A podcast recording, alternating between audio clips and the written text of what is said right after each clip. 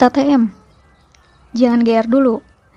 Episode kali ini bukan mau ngomongin teman tapi mesra, tapi TTM yang lain.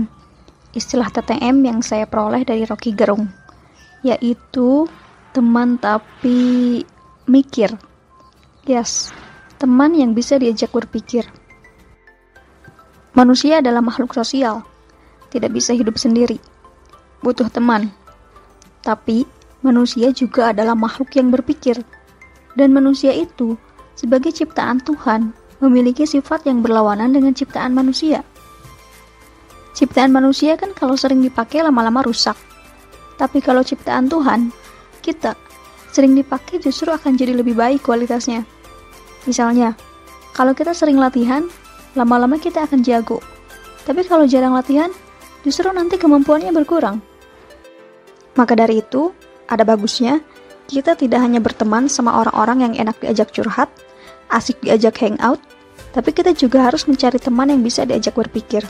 Agar supaya pemikiran kita jadi lebih kritis, lebih analitis, dan otomatis kualitas diri kita meningkat jadi lebih baik. Para founding fathers kita, para pendiri negara ini, banyak yang lulusan SMA, tapi mereka banyak membaca dan berdebat.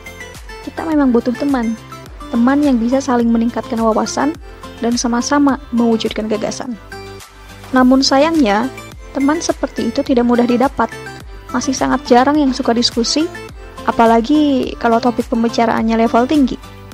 Di sekolah, di tempat kerja, kebanyakan orang lebih suka ngomongin orang lain, yang jelas-jelas itu gibah. Dosa. Kalau diajak diskusi, malah bubar.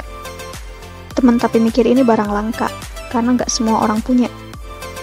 Salah satu rekan kerja saya di tempat bimbel pernah berkata, Selama saya kerja di sini, saya cuma dekat sama dua orang, karena cuma mereka yang enak diajak berpikir. Salah satunya usianya jauh lebih tua dari saya, tapi saya suka ngobrol sama beliau karena seideologi dan sehobi.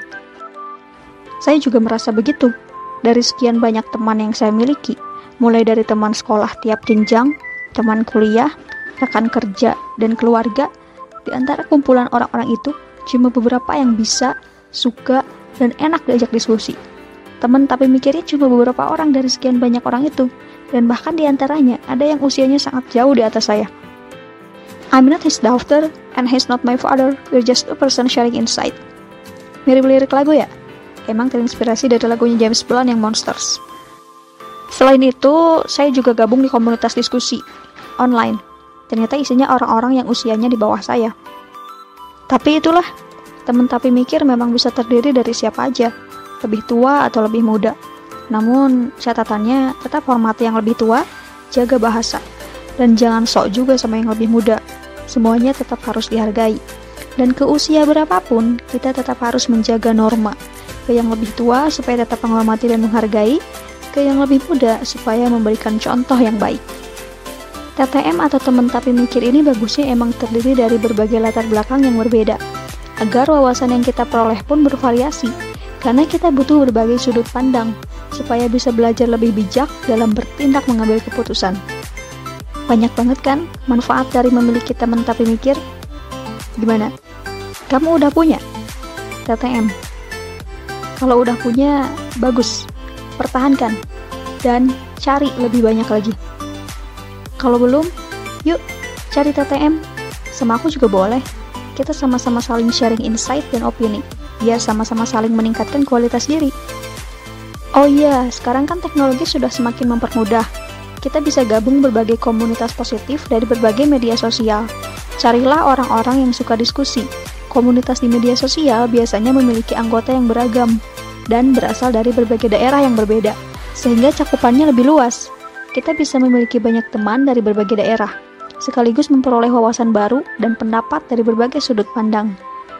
Buat kamu yang introvert, kurang suka tampil di depan banyak orang, atau untuk teman-teman yang mau meningkatkan skill berbicara tapi masih suka malu, komunitas di media sosial adalah salah satu pilihan yang tepat.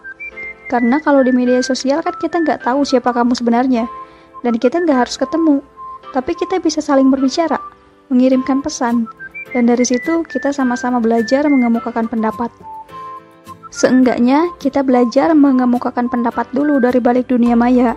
Kalau sudah terbiasa, nanti juga insya Allah akan mulai bisa menyampaikan pendapat di muka umum yang lebih bersifat publik. Cus, gunakan media sosialnya untuk gabung komunitas-komunitas positif. Nyari teman-teman berpikir, biar hidup kita lebih berfaedah dan memberi faedah. Episode kali ini pendek aja ya. Cepetan, cari TTM, teman tapi mikir. Kuy, Assalamualaikum.